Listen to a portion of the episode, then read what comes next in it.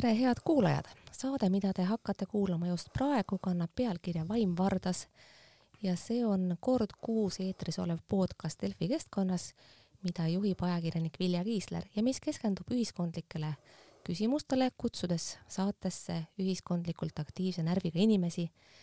ja mitte alati ei, ei ole need vestlused tingimata päevapoliitilised kuid täna on selles mõttes erandlik saade, et Eesti sisepoliitika on praegustes sõjaajas muutunud justkui mingisuguseks marginaalseks teemaks, mille üle väga palju ei arutleta, aga oleks minu meelest põhjust, kuna Riigikogu valimised on juba järgmisel aastal ja on päris selge, et need toimuvad hoopis teistsuguses keskkonnas, kui on toimunud senised parlamendivalimised Eestis olen kutsunud saatesse politoloogi ja õppejõu Tõnis Saartsi, tere tulemast!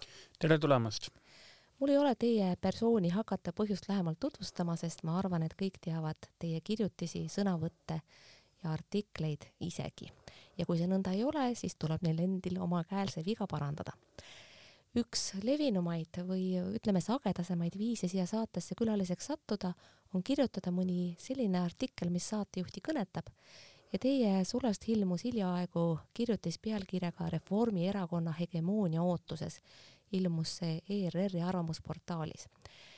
ja ma tundsin sellest ära mõttekäike või isegi täpsemalt küsimuse püstitusi, mille üle ma olen viimasel ajal ka ise mõtteid mõlgutanud, vaadates erakondade reitinguid ja meie vestluse arutluskäigu algatuseks võiksime ju meelde tuletada seda, et tõepoolest Reformierakond on viimaste kuude küsitlustes kogu aeg olnud oma populaarsuse tipus ja ka Kaja Kallas peaministrina on valijate ja siis küsitletute hinnangul erakordselt hästi hakkama saanud alates sellest, kui Vene-Ukraina sõda puhkes.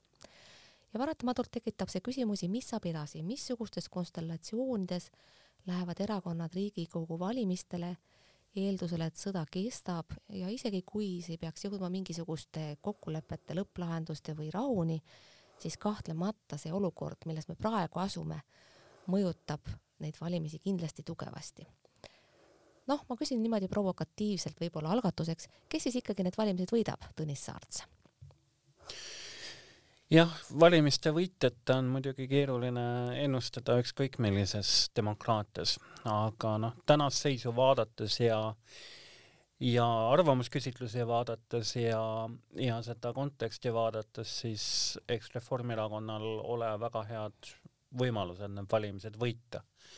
Aga me kunagi ei tea, millised ettearvamatud sündmused võivad, võivad ka näiteks seda edulugu väärata, sest sest valimiste eel võib juhtuda nii mõndagi ja, ja on võimalik, et äh, tulevad mingisugused muud aktuaalsed teemad, kuigi praegu näib jah, et äh, ilmselt ka see valimiskampaania ikkagi möödub julgeolekupoliitika tähe all ja see on teema, mis on kindlasti Reformierakonna teema. äh, olnud vähemalt alates pronksiööst, et äh, Reformierakond on oma brändi väga tugevalt üles ehitanud sellele, et äh, tegemist on erakonnaga, kes suudab Eestit kõige paremini kaitsta Kremli äh, ja Venemaa niisuguste negatiivsete mõjude ja ohtude vastu ja, ja eks nad seda brändi on tugevdanud veelgi ja, ja noh, arvates, arvestades konteksti, siis ilmselt sel, neil õnnestub ka sellel, sellel narratiivil äh, toetudes äh, päris hea tulemus teha valimistel. Nii et tegelikult võiks öelda, et Kaja Kallasele ja tema juhitavale Reformierakonnale oli see sõda sisepoliitilises mõttes just nagu kingitus, see on nende teemad, nad on hästi hakkama saanud, kui niimoodi küüniliselt mõelda. jah, kui küüniliselt mõelda ja vaadata niisuguses võib-olla väga pikas perspektiivis, kus me hakkame vaatama noh, millised äh, sündmused on mõjutanud ühe või teise partei või, või poliitiku käekäiku, siis, äh, siis jah, Kaja Kallas ja Reformierakond, kui me meenutame ennem Ukraina kriisi puhkemist äh, ikkagi toetuslangus, langes äh, väga tugev kriitika avalikkuses äh, energiakriisiga hakkama saamisel ja, ja nii edasi. koroona. koroona oli ka veel juures, et äh, selles mõttes äh, võib tõesti öelda, et, et äh, mõnes mõttes sisepoliitilises äh, võtmes äh, see konflikt Ukrainas Reformierakonna jaoks tuli suhteliselt heal ajal. aga noh, loomulikult keegi seda konflikti ei tahtnud, nii et, et see on pigem niisugune tõesti küüniline või, või niisugune väga-väga pikas, pikas vaates äh, hinnang. ja noh, ma tooksin paralleele, noh, need paralleelid võib-olla ei ole nüüd üks-ühesed, aga aga Briti peaminister Margaret Thatcher kaheksakümnendate aastate alguses ähm, äh, ka oli oma toetust kaotamas, aga puhkes äh, Falklandi sõda, noh, see oli küll veidikene teistel, teistel põhjustel. Äh, ja, ja see ka selle sõja, sõja tuules ja selle patriotismi tuules tegelikult äh, õnnestus Thatcheril võita järgmised valimised ja väga tugevalt oma, oma võim kindlustada. aga noh, ma rõhutan, et see paralleel ei ole üks-ühene, et, et olukord oli teine, see sõda, Falklandi sõda oli hoopis teine ja ja, ja, ja ka Thatcher oli hoopis teist, teist sorti peaminister ja poliitik kui Kaja Kallas. sellest, mis tüüpi liider on Kaja Kallas ja mismoodi saab teda võrrelda Reformierakonna endiste juhtidega, võiksime rääkida saate teises pooles, kuid siit teie mõttekäikudest kinni haarates mulle meenub kogu aeg, et nendel aastatel, kui Reformierakond oli omal pikal võimul, eks ole, seitseteist aastat valitsuse juures, valitsuse liige, siis heideti neile väga tihti ette Vene kaardi kasutamist sisepoliitilises kontekstis. ja kui ma, kui mul õigesti meeles on, siis tegelikult kasutati seda kaarti ikka sellistes olukordades, kus see tundus tõesti päriselt sobimatu ja mul on väga hästi meeles, kuidas kõik poliitikaanalüütikud avaldasid iga kord enne valimisi lootust, et ehk seekord ei käida Vene kaarti lauda, aga ometi iga kord see tuli. kas tagantjärele võime öelda, et et see oli õigustatud. sest äh, miks ma seda küsin, päris paljud Reformierakonna poliitikud ja ka tegelikult Eesti äh, riigi ametnikud ja esindajad laiemal tasandil on rõhutanud nüüd sõja puhkedes, et näete, meil oli õigus, meid ei kuulatud, aga meil oli alati õigus. kas see kuidagi õigustab ka tagantjärele Reformierakonna käitumist aastatel, kus me sõja puhkamisest sugugi ei mõelnudki? Jah, aga see, kui öeldakse, et jah, et Reformierakonnal oli õigus või Ida-Euroopa riikidel oli õigus Venemaa ohu vastu hoiatades, et, et see on minu meelest ikkagi midagi muud kui selle kaardi kasutamine siseriiklikus äh, võimuvõitluses. et äh, antud juhul, et Ida-Euroopa riik, riikide hoiatused tegelikult vastasid tõele, et, et ma usun, et, et kui meil oleks valitsuses olnud ka mõni teine erakond, näiteks Isamaa, ega need hoiatusi oleks samamoodi esitatud, et see oli Ida-Euroopa niisugune ühtne positsioon, see tuleneb juba meie ajaloolisest kogemusest. minu meelest eh, see ei õigusta küll selle Vene kaardi kohati üsna küünilist kasutamist sisepoliitilises võitluses Äh, oma, oma vastaste äh, vastu ja, ja oma võimu konsolideerimiseks, mida Reformierakond minu meelest peale pronksööd äh, päris mitu aastat väga edukalt tegi.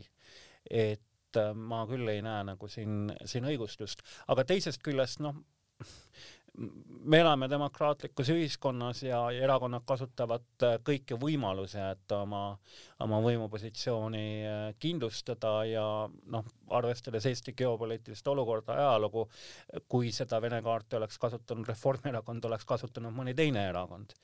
ja, ja, ja selles mõttes noh, siin on midagi niisugust, mis, mis on paratamatu. võib-olla lihtsalt see viis ja, ja see, kui edukalt seda tehti, see oli küll võib-olla Reformierakonnale just iseloomulik. pärast pronkssõduri teisaldamist muutuski selline Vene ohuga hirmutamine ja, ja selle Vene kaardi kasutamine Reformierakonna poliitilise arsenali osaks ja kui me mäletame kahe tuhande seitsmenda aasta sündmusi, siis tegelikult tollane peaminister ja Reformierakonna juht Andrus Ansip kirjutas pronkssõduri teisaldamise väga osavalt konkreetselt Orava partei nimele, kuigi tegelikult ei teinud neid otsuseid sugugi peaminister üksi, oma osa mängis seal kaitseminister Jaak Aaviksoo ja ja mõnevõrra siis ka kindlasti sotsiaaldemokraadid, kuigi nende roll oli võib-olla tagasihoidlikum kui, kui Aaviksoo oli Ansipil.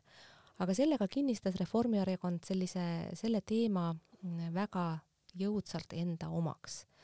tagantjärele jällegi võib tunduda, et kas tookord pronksiöö ohjeldamisel tehtud vead me mäletame, et neid tegelikult ju tehti ja isegi tunnistati. kas ajalugu on need kuidagi heaks teinud, arvestades praegust olukorda? sest sõja käigus muutuvad kõik asjad kuidagi mustvalgeks ja hakatakse ka minevikku ümber tõlgendama. ja mulle tundub, et üks võimalus pronksiööd vaadelda Vene-Ukraina sõja kontekstis loob natuke teistsuguse pildi kui too, mida me siis nägime. no kahtlemata loob, aga minu meelest ähm, need narratiivid äh, pronkssõduri ümber ja, ja selle sündmuse ümber ähm,, need tegelikult ähm, olid toonastele võimuparteidele, ennekõike Reformierakonnale, soodsad juba ennem seda Ukraina sõda, et, et seda tõlgendust Eesti avalikus ruumis, et pronkssõduri teisaldamine ja see, kuidas ta tehti, oleks olnud nagu viga või mingisugune valearvestus, need narratiivid tegelikult tõrjuti väga kiiresti perifeeriasse ja on jäänud sinna perifeeriasse viimased viisteist aastat kogu aeg. nii et äh, pigem see Ukraina sõda lihtsalt kinnit-, kinnistab neid, neid domineerivaid narratiive veelgi aga, aga tõesti seda, et, et oleks olnud mingisugune teistsugune konkureeriv narratiiv vähemalt eestikeelses avalikus ruumis, seda ma küll ei ole tähele pannud. Kui te nüüd mõtisklesite viidatud kirjutides Reformierakonna võimaliku hegemoonia üle pikemaks ajaks, siis te tõite esile ka selle, et pronksiööde aegne situatsioon erines ikkagi väga palju praegusest ja viitate ka sellele, et äh, Andrus Ansip ja Kaja Kallas ehk siis peaministrid, erakonna liidrid on äärmiselt erinevad isiksused. kas te oleksite nõus äh, kuulaja jaoks täpsemalt välja tooma selle erinevuse mõju tulevasele, tulevastele valimistele ja lähema aja, lähemate aastate sisepoliitikale laiemalt? jah, tõepoolest, kui me räägime siin Reformierakonna poolt Vene kaardi kasutamisest, noh, mis ajalooliselt on niiviisi olnud, siis ähm, peab tõesti ütlema, et Kaja Kallas ja, ja see retoorika, mis on täna, minu meelest päris oluliselt erineb sellest, mis oli pronksiööde ajal. Ähm, see osaliselt tuleneb Kaja Kallase isiksusest, võib-olla ka sellest, et Reformierakonnal on teistsugune meeskond, kui oli Ansipi ajal aga, aga ka sellest sisepoliitilisest situatsioonist, mis on suhteliselt erinev. ja noh, kui rääkida Kaja Kallase isiksusest ja juhtimisstiilist, siis Kaja Kallas on minu meelest poliitik, kes üritab vältida teravaid vastandusi, konflikte ja konfrontatsioone. ta ei naudi neid olukordi, ehm, ta ei otsi neid ja, ja ta ei tunne ennast mugavalt, kui ta peab kellelegi noh, lajatama või, või, või kuidagi laupkokku, kokkupõrkesse minema. aga Ansipile sobis? Ansipile see sobis suurepäraselt. tema oli just sedasorti poliitik, kes, kes lausa nautis neid konfrontatsioone ja, ja teravalt ütlemisi see minu meelest paneb ka piirid, et, et kui jõuliselt et Reformierakond, isegi kui tulevad teatud võimalused äh, seda Vene kaarti sisepoliitiliselt kasutada, seda kasutama hakkab, et, et see stiil saab olema üsna erinev pronksiöödest. aga siin ongi nüüd see sisepoliitiline kontekst, et pronksiööde ajal äh, oli meil selge niisugune noh, Reformierakonna jaoks, aga ka Eesti avalikkuse jaoks, vähemalt äh, parempoolse avalikkuse jaoks oli selge vaenlase kuju, selleks oli Keskerakond ja Edgar Savisaar keda siis äh, peeti Kremli-meelseks äh,, Vene äh,, Vene huvisid esindavaks poliitiliseks jõuks. täna ju niisugust Kremli-meelset jõudu, kes kuidagi vastanduks siis Ukraina ja Eesti-meelsele Reformierakonnale ja ajaks mingisugust hoopis teistsugust äh, välispoliitilist liini, noh, niisugust jõudu ja täna ei ole. et see vastandus puudub ja minu meelest see seab hoopis teise raamika sellele konfliktile ja Vene kaardi kasutamisele Te viitate põhimõtteliselt sellele, et Keskerakond on nõrk ja pärast seda, kui Edgar Savisaar poliitiliselt areenilt lahkus ja tema asemel sai erakonna juhiks Jüri Ratas, siis tegelikult Reformierakonna jaoks on tekkinud olukord, kus nii-öelda sisevaenlase laip ujub iseenesest mööda, eks ole. ja kas pole, kas pole ka niimoodi, et see Ukraina sõja algus on teatavas mõttes Keskerakonda veelgi nõrgestanud, jättes siinkohal kõrvale isegi kõik korruptsiooniskandaalid ja pooleliolevad süüasjad ja, ja rahaprobleemid Äh, mulle tundub, et Keskerakonna poliitikutel on olnud äh, eriti mõnel väga keeruline leida sellist tooni, mis ei peletaks eemal oma valijaid ja samas kuidagi mm, oleks arusaadav ka laiemale kuulajaskonnale. ehk tegelikult Reformierakonna või Reformierakonna jaoks on see Keskerakonna iseeneseslik nõrgenemine või ütleme, siseprobleemide ja sõja tõttu nõrgenemine, noh, mõnes mõttes nagu taevakingitus, ei olegi vaja seda vaenlast otsida. No jah, mõnes mõttes küll, kuid teisest, teisest küljest ähm, kui sa soovid kehtestada oma dominanti hegemooniat, siis seda vaenlast on vaja.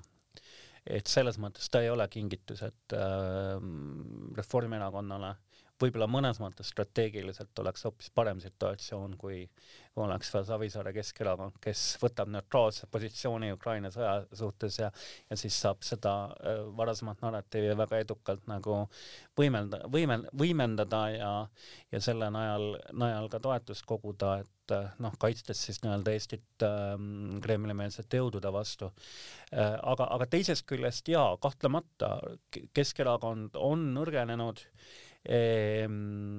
Seal on toimunud põlvkondade vahetus ehm, ka ideoloogilises mõttes erakond on mõnevõrra teistsuguses positsioonis, kui oli Savisaare ajal, olles äh, koalitsioonis, ega neil eriti valikuid ei jäänud.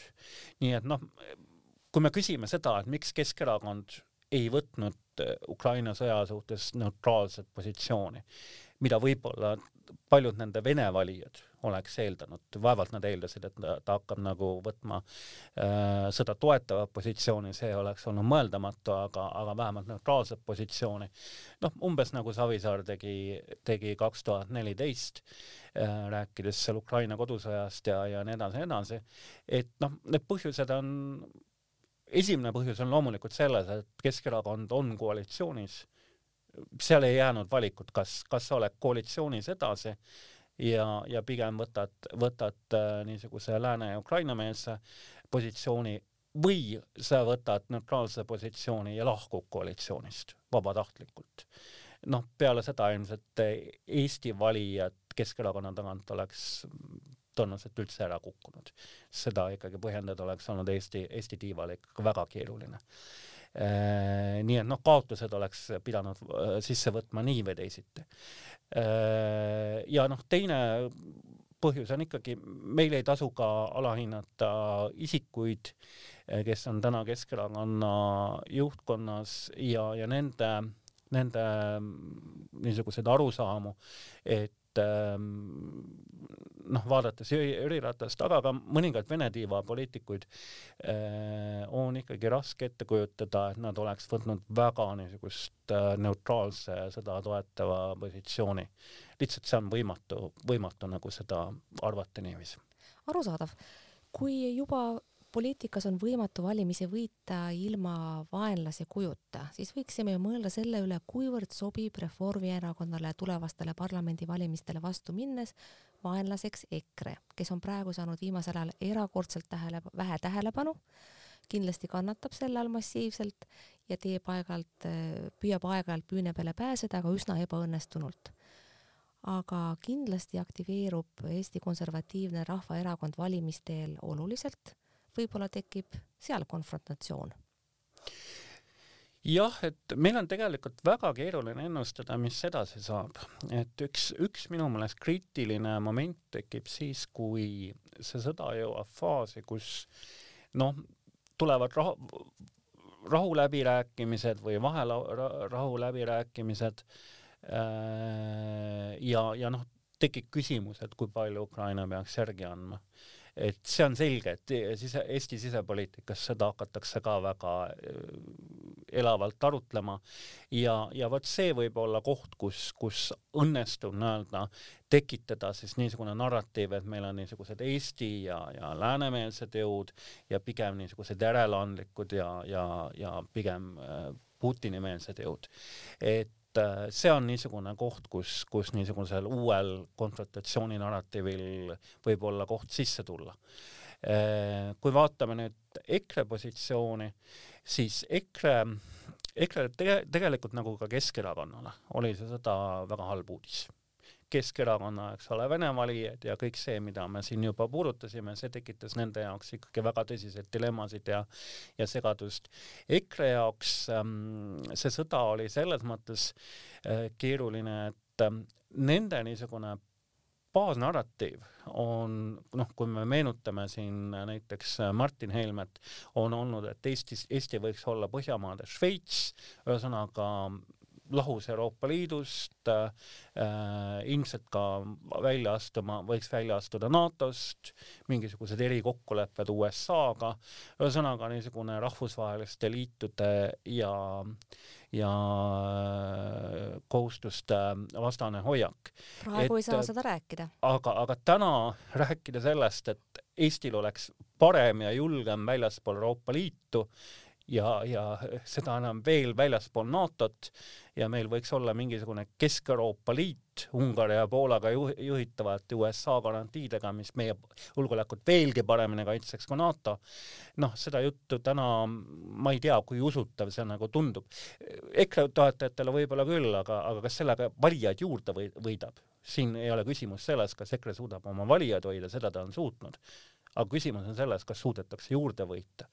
ja noh, niisugune baasnarratiiv EKRE puhul äh, see lihtsalt täna niisugune Euroopa Liidu ja, ja rahvusvaheliste koostöö vastane baasnarratiiv on saanud minu meelest tõsise löögi. EKRE-l on tegelikult ka tekkinud dilemma äh, selles, selles suhtes, et nad üritasid väga jõuliselt siseneda Vene niši kaks tuhat seitse, kaks tuhat kakskümmend üks valimistel kohalikel. ja kohalikel valimistel.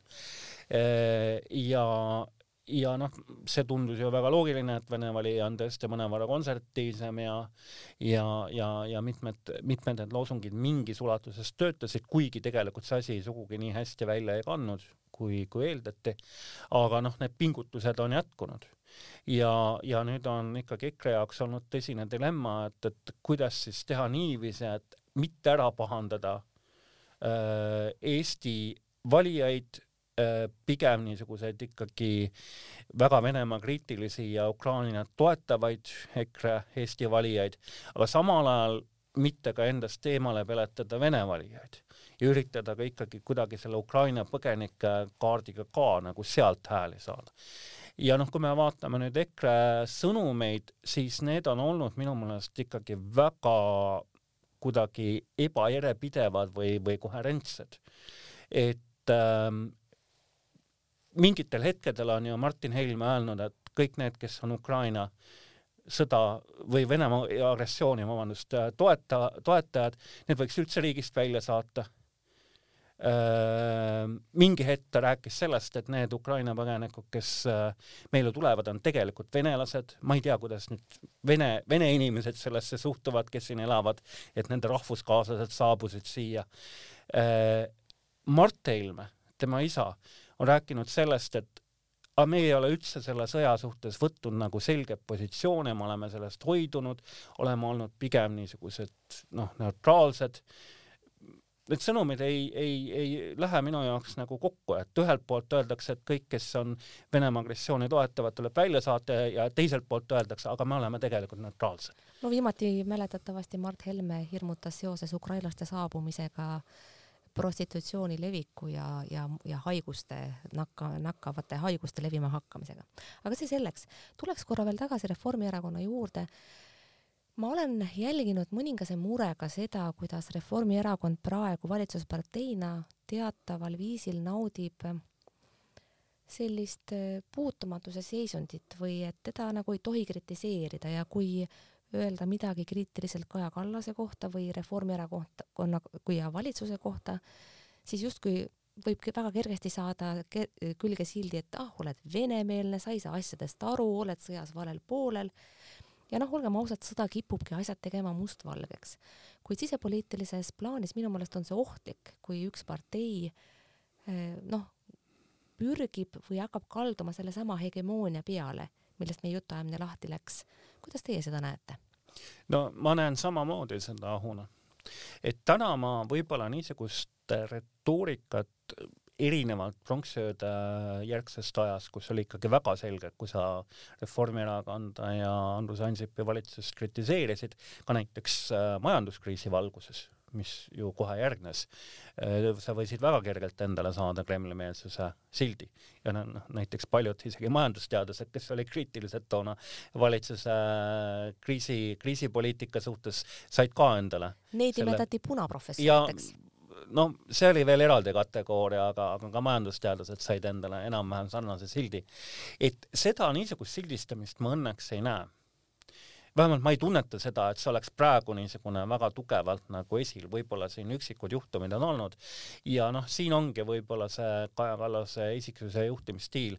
ma kujutan ette, et kui oleks Rõivas või Ansip juhina, ma usun, et, et seda retoorikat me näeksime mõnevõrra rohkem teatud olukordades. aga kahtlemata oht on, et tõepoolest, kuna sisepoliitika ja sisepoliitilised otsused jäävad nagu kuidagi üldse varju ja ei ole enam, ei ole ka enam ühiskondliku debati osaks, siis nende üle enam ei arutata ja kui arutatakse, siis noh, on, on võimalik tõesti seda teemat Äh, sättida julgeoleku võtmesse, et, et vot meil on siin niiviisi otsustatud, see on õige ja, ja kes julgeb seda kritiseerida, see kuidagi, kuidagi on siis teisel poolel. et, et niisugune kriitikavabadus, ma näen seda tõsise probleemina. iseküsimus, kui kaua see kestab et äh, kas, kas ta ikkagi veab välja kuni, kuni valimiste-eelsena ajani, kui noh, tõenäoliselt äh, ka avalikkus noh, me ei tea, kuidas see Ukraina sõda kulgeb, aga mingisugusel hetkel ilmselt tekib ka avalikkuses teatud väsimus ja hakatakse võib-olla rohkem ka sisepoliitikat vaatama, eriti valimiste kontekstis. Ja siis kahtlemata kerkib esile küsimus, et äh, ka Reformierakonna sees ma kujutan ette, et kui valijate ja laia publiku tähelepanu pöördub taas sisepoliitiliste teemade juurde tagasi, kas siis Kaja Kallas on ikka see erakonna juht, kellega tasub valimistele minna, kuna ta ei kipu tülitsema, ei süüdista vastaseid, ei sildista neid, ei kipu eriti kaklema. et sellisel juhul võib ju noh, on väheusutav küll, et kui näiteks Ukraina sõda peaks nüüd kiiresti lõppema, mis ei ole tõenäoline, siis võiks ju Reformierakonnas tekkida, et ilmselt ei võiks kohe praegu Reformierakonnas tekkida soovi Kaja Kallast välja vahetada. aga varem või hiljem, kui sisepoliitika muutub jälle nii-öelda relevantseks teemaks, siis iseenesest võiks see küsimus ju kerkida. jah, kahtlemata, et ähm, noh, me nägime, eks ole, Kaja Kallase no niisugust, kuidas öelda, haprust äh, äh, kui oli vaja lahendada sisepoliitilisi kriise ja ega see kommunikatsioon nüüd kõige meisterlikum alati ei olnud, et ähm, noh, oma, oma sisepoliitilise kriisihalduse suhtes ma kindlasti ei loe seda, teda Eesti ajaloo parimate peaministrite hulka. Äh, et need asjad tõenäoliselt löövad taas välja, kui tulevad sisepoliitilised teemad ja, ja on selge see, et, et ega, ega need kriisid läbi ei ole, et, et ma arvan, et, et me tegeleme selle Ukraina sõja järelmõjudega nii majanduses, geopoliitikas kui väga paljudes sfäärides veel vähemalt kaks-kolm aastat, kui mitte kauem. Äh, nii et, et lihtne aeg ei saa ühelgi peaministril olema. aga mis on võib-olla nüüd erinev sellest, mis, mis oli varem, noh, Kaja Kallas, eks ole, võttis valitsuse ohjad üle, tegemist oli ikkagi peaministriga, kes ennem ei olnud ju täitevvõimu positsioonil olnud Äh, ja selles mõttes ta mõnes mõttes õppis äh, seda ametit, seda oli ju näha, eks ole, ja, ja mõned reformierakondlased ka seda ise äh, tunnistavad. nii et, et selles mõttes ta oli kriitikale palju rohkem nagu avatud. minu väide on see, et nüüd peale seda Ukraina kriisi on ta saanud endale teatud niisuguse usaldusvaru või krediidi ja usutavuse nüüd küll rohkem välispoliitika alla äh,, vallas, mis kandub üle ka sisepoliitikale ja annab talle teatud tugevama äh, jalgealuse äh, kriitika suhtes ja, ja nii edasi. nii et ta kindlasti ka sisepoliitiliste kriiside lahendamisele ja, ja olles niisuguse sisepoliitilise orientatsiooniga peaminister võib-olla edaspidi rohkem äh, jalgealune on, on mõnevõrra tugevam. see võib aidata aga, aga ei pruugi, sellepärast et äh, raske on ennustada, et, et milliste kriisidega tal tuleb äh, tuleb tal äh, rinde pista ja vähemalt täna ilmselt Reformierakonnas küll need jõud, kes võib-olla eeldasid, et Kaja Kallas tuleks ennem valimisi üldse ringi vahetada, eks, eks neid sosinaid on olnud ka, et need jõud ilmselt äh, täna on on, on äh, vaikinud, nii et seda plaani siin, siin vaevalt ei, on, nii et ka erakonnasiseselt ma usun, ta positsioon on kindlasti tugevam. Lõpetuseks. Me rääkisime päris palju Reformierakonnast, pühendasime mõnevõrra tähelepanu EKRE-le ja loomulikult kõnelesime ka Keskerakonnast.